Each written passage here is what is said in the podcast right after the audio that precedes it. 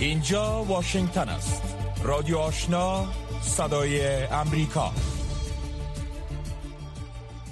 شنوندگان عزیز سلام. شب همه شما بخیر. حفیظ آصفی هستم و با همکارانم برنامه خبری ساعت رادیو آشنا صدای امریکا را تقدیم می‌کنیم.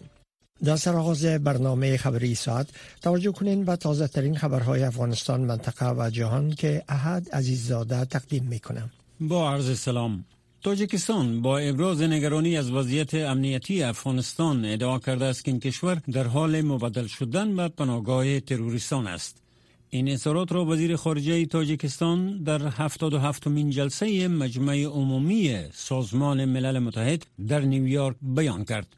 سراج الدین مهرالدین وزیر خارجه تاجیکستان به روز یک شنبه در مجمع عمومی سازمان ملل متحد گفت که افغانستان به سرعت به پناهگاه توریستا و تخته خیز به گسترش افرادگرایی رادیکال طالبان در منطقه مبدل می شود. اما زبیح الله مجاهد سخنگوی حکومت طالبان روز دوشنبه به رادیو آزادی گفت که اجازه نخواهد داد از خاک افغانستان بر ضد کشور دیگری استفاده صورت گیرد.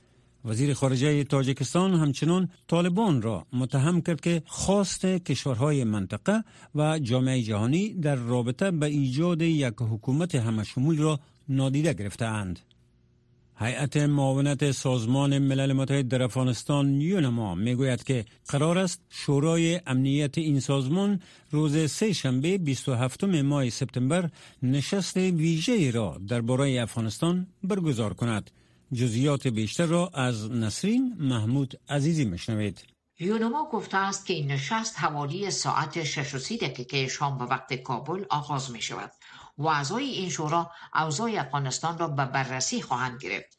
یونما افزوده است که در این نشست مارکس پوتسل سرپرست هیئت معاونت سازمان ملل متحد در افغانستان در مورد وضعیت موجود در این کشور و اعضای شورای امنیت این سازمان معلومات خواهد داد. این در حالی است که از چند روز بدین سو 77 مین نشست مجمع عمومی سازمان ملل متحد با حضور بسیاری از رهبران و نمایندگان کشورهای جهان جریان دارد و اما قرار است که برای دومین سال متواتر هیچ کسی به نمایندگی از افغانستان در این نشست سخنرانی نکند. نصیر احمد فایق سرپرست نمایندگی دائمی افغانستان در سازمان ملل گفته است که بر اساس تصمیمی که گرفته شده امسال نیز نمایندگان افغانستان و میانمار در 77 مین نشست مجمع ملل متحد سخنرانی نخواهند کرد ادامه اخبار مسئولان محلی طالبان در قندهار از کشف یک گور دستجمی در آن ولایت خبر دادهاند.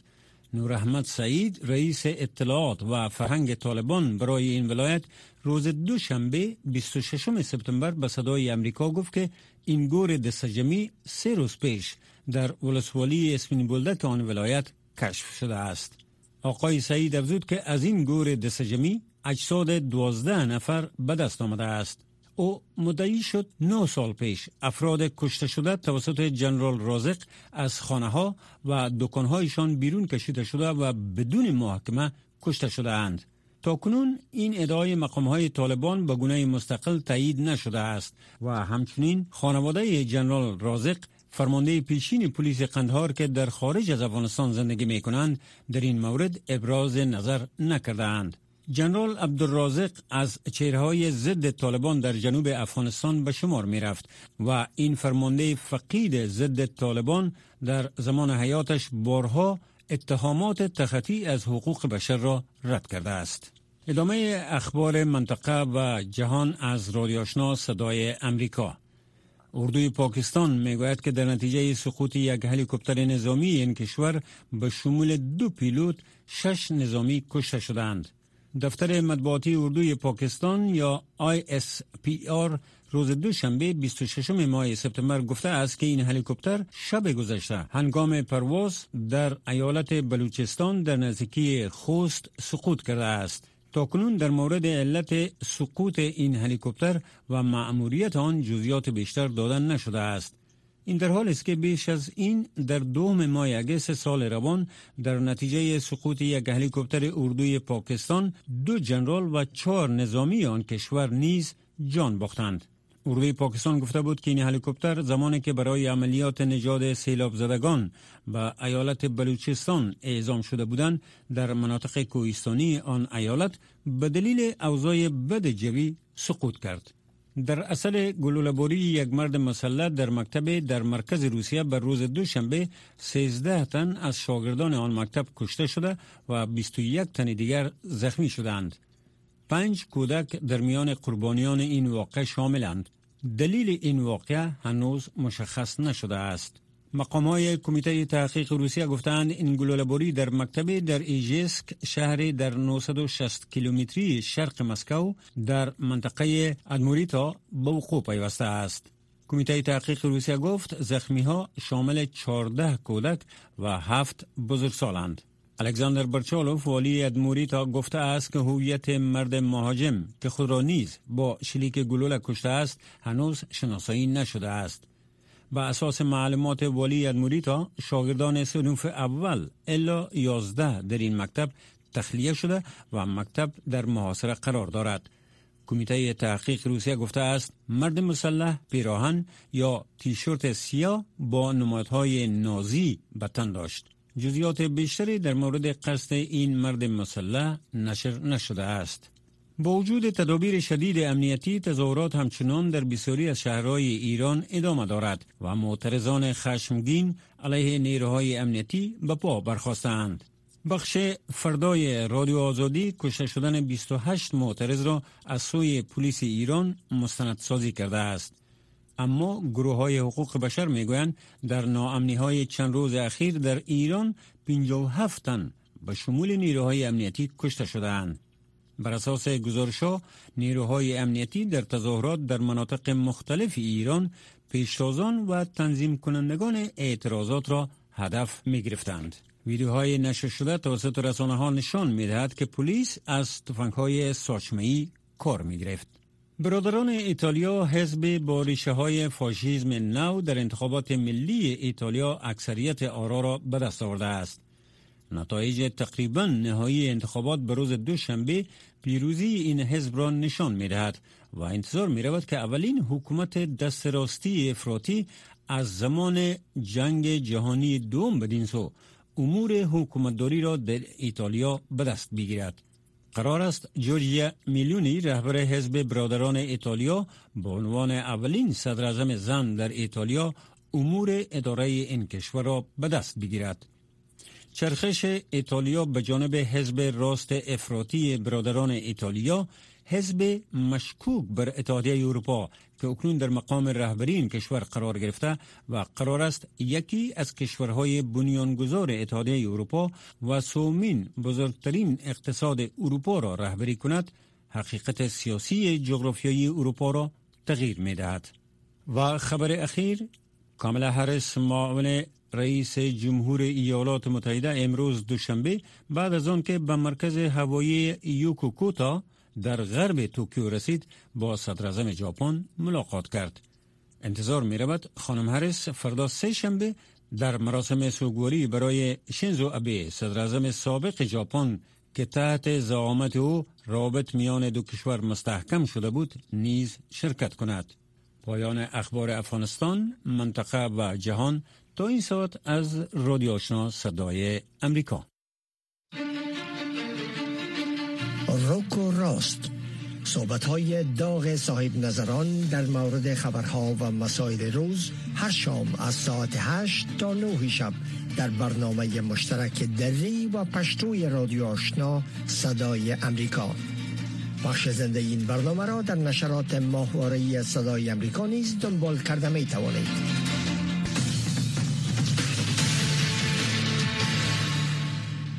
سراج الدین مهرالدین وزیر خارجه تاجیکستان به روز یک شنبه در مجمع عمومی سازمان ملل متحد گفت که افغانستان در حال مبدل شدن به پناهگاه تروریستان است. این در حالی است که قبلا برخی دیگر همسایه های افغانستان از جمله پاکستان هم از موجودیت و تهدید گروه های تروریستی پس از تسلط طالبان بر افغانستان اظهار نگرانی کرده بودند.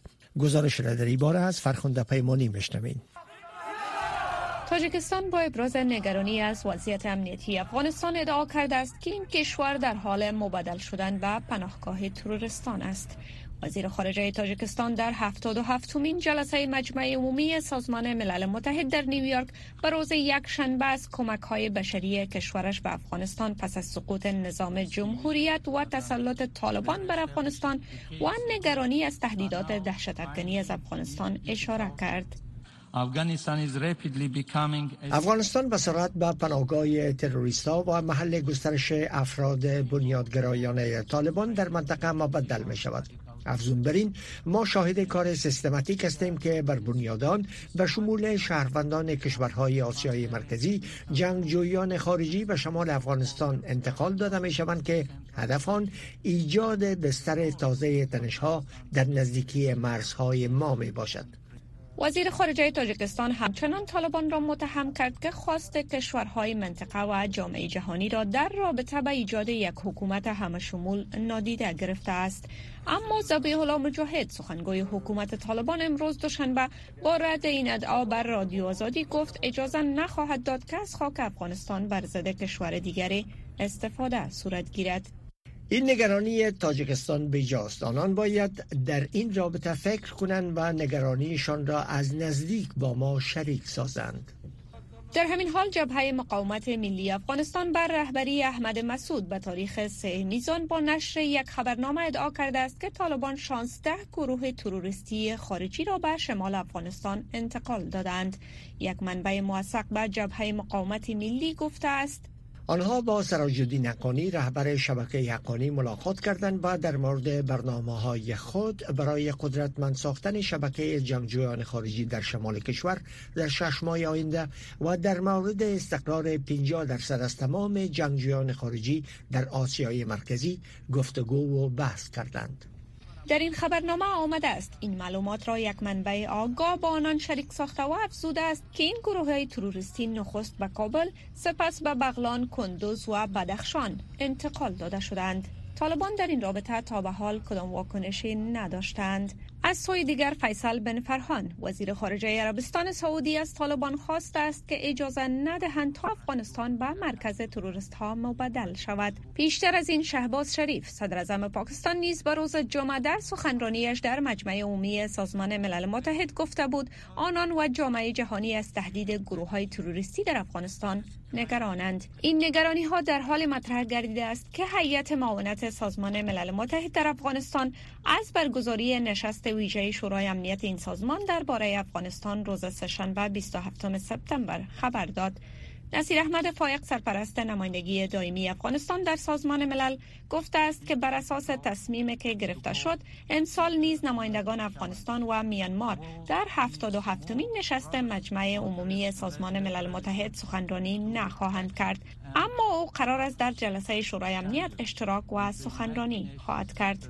این در حال است که با گذشت بیشتر از یک سال از مسلط شدن طالبان بر افغانستان تا حالا هیچ کشوری از جهان حکومت طالبان را بر رسمیت نشناخته است.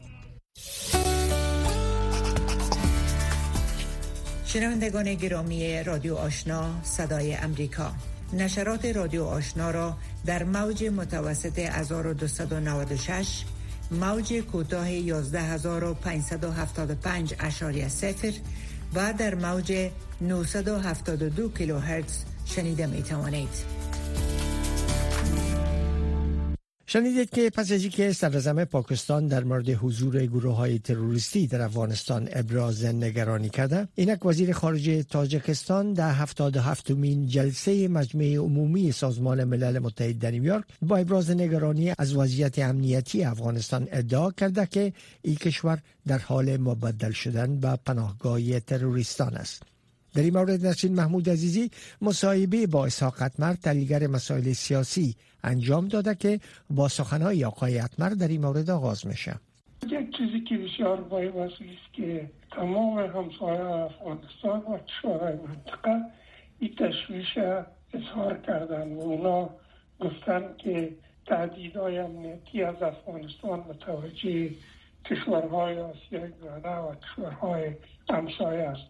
مخصوصا این اندیشه ها زبان زیاد شد که از زواهری در کابل کشته شد و بعضی از کماندان های القاعده در کابل حضورشان تایید شد و کشته شدند. و همین قسم بعضی از کماندان و رهبرای مثلا جیش محمد ایدا کردن که در افغانستان است مسعود اظهر و کشورهای آسیای میانه به این بابت زیاد تشویش دارند که نشود که از افغانستان همین گروه حراس افغان نفوذ می‌کنه با آسیای میانه و این کشورها را ناامن و نارام بسازد چنانچه همین گروپ های حراس افغان که برای آسیای میانه مبارزه می‌کنن اینا اولا در افغانستان است.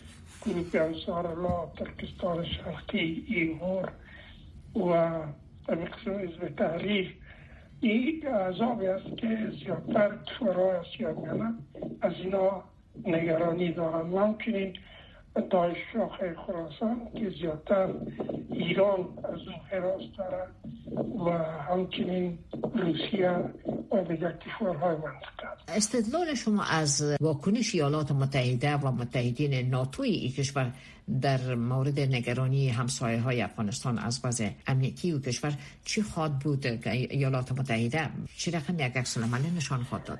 ما فکر مسئولیت ایالات متحده امریکا و کشورهای دوستشان است تا اونا به این نگرانی ها پایان بتن به خاطر اینکه طالبا با اثر توافق با امریکا در دوحه قدرت سیاسی را دست گرفتن و مسئولیت تمام نامنی ها در افغانستان بعد از اینکه طالبا همین قدرت سیاسی را دست گرفتن و دوش امریکا و متحدینش از به خاطر اینکه اونا بودن که اول توافق کردن با طالبان. از که خود افغانا به توافق برسن و تضمین و از وجود حراس افغانی در افغانستان باقی نمانه.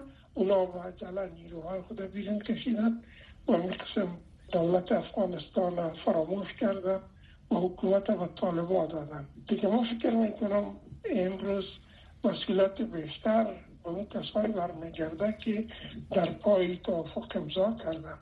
و در صورت ادامه گسترش فعالیت های توریستی آیا احتمال مداخله ایالات متحده و متحدین ناتو در افغانستان وجود خواهد داشت؟ فکر نکنم. برای که اولی که امریکا آماده باشه برای کار تو کار نمی‌کنه. که کشورهای منطقه امروز و 20 سال پیش و 20 سال پیش نیست که آماده باشن و مجوز بتن نیروهای امریکایی را که اونا کشی کنن و داخل افغانستان او دفعه خفورای امنیت بر از اینا مجوز صادر کرد و آلی کشورهایی که در منطقه حضور دارن مثل روس، چین، ایران ای آمادگی را ندارن و نیروهای خارجی اونا فرصت بتن که اونا داخل افغانستان شوند. ولی در او زمان روس و چین و ایران یا هم در شورای امنیت به طرفداری امریکا یا به اصطلاح رای دادن و همین مجوز دادن برای امریکا که اونا در افغانستان اساطیر خود پیاده بکنن و آینده روابط افغانستان با کشورهای همسایه چگونه پیش بینی می‌کنیم؟ این فکر می‌کنم کشورهای همسایه در یک حالت کجدار و مریض با طالبان گذاره می‌کنن اونا زیاد هم نمی‌خواهند که با طالبان نزدیک شن به خاطر از که ترس از که اگر با طالبان اینا روابط دیپلماتیک داشته باشن خود کشورها در مجامع بینجلی محکوم و تجدید میشن به خاطر از که طالبان گروپی که اونا ابتدایی ترین حقوق بشری را مراد نمی‌کنن زنا را هیچ حق و صلاحیت در اجتماع ندادن و قسم دیب اقلیت ها را اذیت وزار می‌کنن و تعهدی که با جامعه جهانی و با امریکا داشتن که راست افغانی را اجازه نخواد دادن اون کارا را یک چه طالبان نکردن. از خاطر کشورهای همسر ما نکنیم که که طالبان روابط دیپلماتیک قایم بکنن. ولی رابطه دشمنانه و خسمانه هم نخواد داشتن بلکه طالبان در یک حد محدود میمونن نه به رسمیت شناخته میشن و نه هم کسی رابطه نزدیک و دیپلماتیک با اینا ایجاد خواهد کردن رادیو آشنا صدای امریکا هفت روز هفته. خبر و گزارش ها و تحلیل های خبری روز. یک گروه دویزبی قانونگذاران ایالات متحده در اوایل ماه جاری با سی اینگ وون رئیس جمهور تایوان ملاقات کرد. اقدامی که حمایت کانگرس ایالات متحده را در حال از جزیره نشان میده که تنشها با چین در حال افزایش است. کترین گیبسون خبرنگار صدای امریکا با چند تن از اعضای هیئت در مورد حمایت امنیتی و اقتصادی ایالات متحده از تایوان صحبت کرده و گزارش تهیه کرده که تفصیل او را رویا زمانی به توجه میرسانه. این قانونگذاران امریکایی خواهان حمایت های مجدد کشورشان به تایوان شده است. هدف این اقدام روابط عمیقتر در مقابله با تهدیدهای چین خوانده شده است. استفانی موریفی از عضو دموکرات در مجلس نمایندگان کنگره ایالات متحده می‌گوید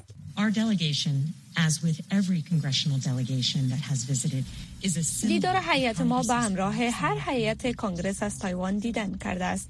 نمادی از تعهد محکم کنگرس امریکا به تایوان است. تازه ترین سفر تاریخی نانسی پلوسی در ماه گذشته به تایوان اولین سفر یک مقام ارشد مجلس نمایندگان ایالات متحده در 25 سال گذشته بود.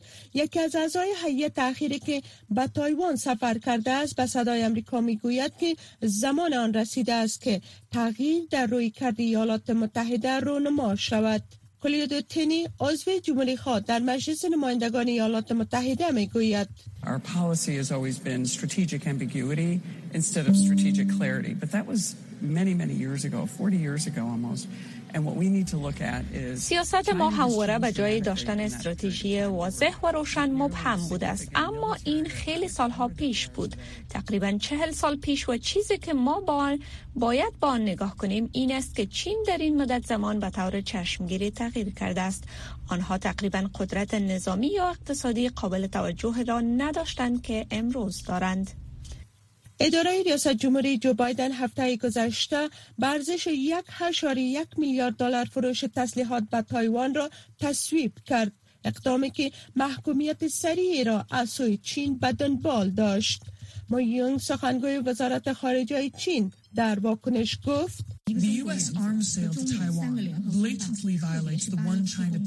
فروش تسلیحات امریکایی به تایوان نقض آشکار قانون چین واحد و مقررات اعلامیه مشترک چین و ایالات متحده است.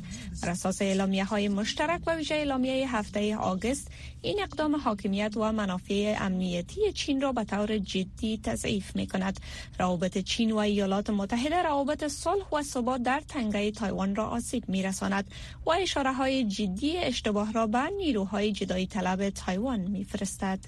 اما حمایت دو حزبی در کنگرس ایالات متحده برای کمک های حتی بیشتر به تایوان وجود دارد که از جمله روابط نزدیکتر در سکتور زراعت و تجارت گفته شده است. کلاد تنی عضو جمهوری خواه مجلس نمایندگان امریکا است.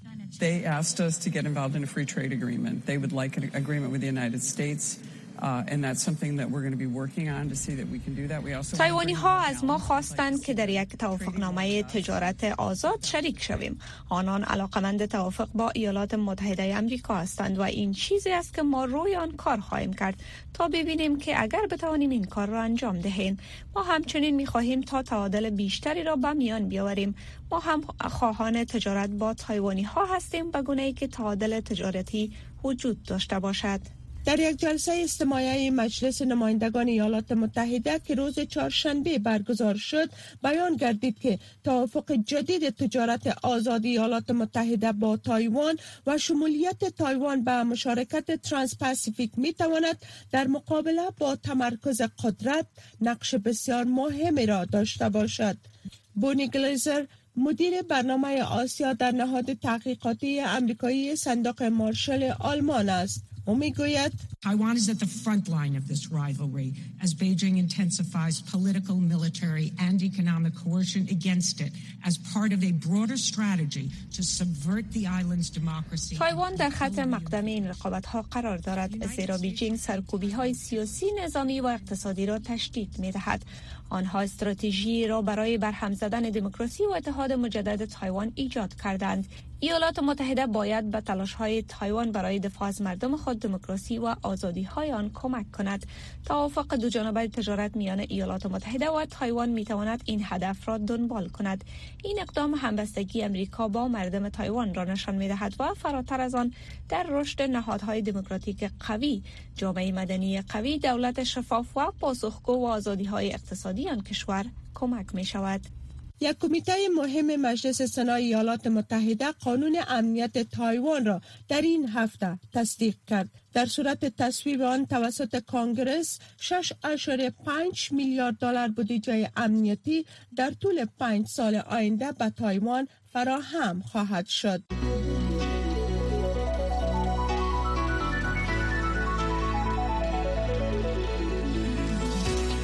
صدای امریکا در فیسبوک facebook.com voa دری صدها تن از مقام های خارجی روز سه شنبه در مراسم تشییع جنازه شنزو آبه صدر سابق ژاپن شرکت می کنند. ای باستاب از محبوبیت بسیار زیاد رهبر ژاپن در خارج از کشور است. اما آبی که در ماه جولای ترور شد همانطور که بلگالو خبرنگار صدای امریکا از توکیو گزارش میده او سابقه منقسم در داخل کشور از خود به جا گذاشته. برگردانی گزارش از عبدالواجد عادل مشنوین برای بسیاری از رهبران جهان شنیزو آبه دوست قابل اعتمادی بود که از نظم جهانی مبتنی بر قوانین حمایت می‌کرد. مرگ تکان دهنده او موج ازادای احترام را در خارج از کشور به همراه داشت. اما در ژاپن میراث آبی پیچیده تر است. برای این که ببینید چطور است با واکنش عمومی علیه مراسم تشییع دولتی جنازه او که روز سه شنبه برگزار شد نگاه کنید. نظرسنجی ها نشان می‌دهد که اکثریت بزرگ از ها با این رویداد مخالف هستند. در محله شیبویا در توکیو آن احساسات متفاوت در مورد آبه به نمایش گذاشته شده است. خانم ساساکی ساکن توکیو می‌گوید میراث آبه را تحسین می کنم اما نمی‌دانم چرا دولت این همه پول برای این رویداد خرج می کند. ماریو ایتو یکی دیگر از ساکنان توکیو می‌گوید هفتاد درصد از ژاپنی ها با مراسم دولتی خاکسپاری مخالف هستند. این واقعیت که به هر حال برگزار می شود نشان می دهد که حکومت کنونی ناکاره است. اگر چابه برای قویتر و باثبات کردن کشورش مورد احترام قرار گرفت سیاست های محافظه کارانه و خشم بسیاری را برانگیخت. آقای جو که در مرکز توکیو قدم می‌زند می‌گوید سیاست های آبه ژاپن را در یک بحران اقتصادی قرار داده است. او در تصویب برخی از قوانین کلیدی کوتاه آمده بود. آبه طولانی ترین صدر ژاپن بود. جفری هال کارشناس سیاست ژاپن می‌گوید تا زمانی که او در سال 2020 قدرت را ترک کرد محبوبیت او به شدت کاهش یافت. او به عنوان صدر توانست بارها و بارها با حزب خود در انتخابات پیروز شود. اما آن انتخابات مشارکت بسیار پایین داشت. بنابراین اگرچه او پیروز می شد اما انتخابات به این معنا نبود که او یک سیاستمدار بسیار محبوب یا محبوب مردم بود. بخشی از واکنش ها بر روابط جنجالی آبه با کلیسای وحدت مستقر در کره جنوبی مربوط می شود قاتل مزنون آبه گفت که این گروه کمک های مالی زیادی را از مادرش دریافت کرده و او آبه را به حمایت از کلیسا متهم کرده است. جفری هال افزود You can't really separate this funeral and Abe's legacy from the Unification Church scandal. شما واقعا نمی توانید این مراسم تشییع جنازه و میراث آبه را از رسوایی کلیسای اتحاد جدا کنید زیرا از آن جایی که نشان می‌دهد که این حزب روابط بیشتری با این کلیسا دارد اکثر این افراد از نزدیکان آبه بودند بسیاری از آنان در داخل حلقه او و در بین حزب او بودند این حالت وضعیت دشواری را برای صدر فومیو کیشیدا یک تحت الحمایه آبی ایجاد کرده است. محبوبیت او با پایین ترین سطح سقوط کرده است. اما برای رهبران جهانی که این هفته در توکیو گرده هم آمدند مراسم تشییع جنازه دولتی آبی فرصت برای خداحافظی با یکی از تأثیرگذارترین رهبران قرن 21 خواهد بود.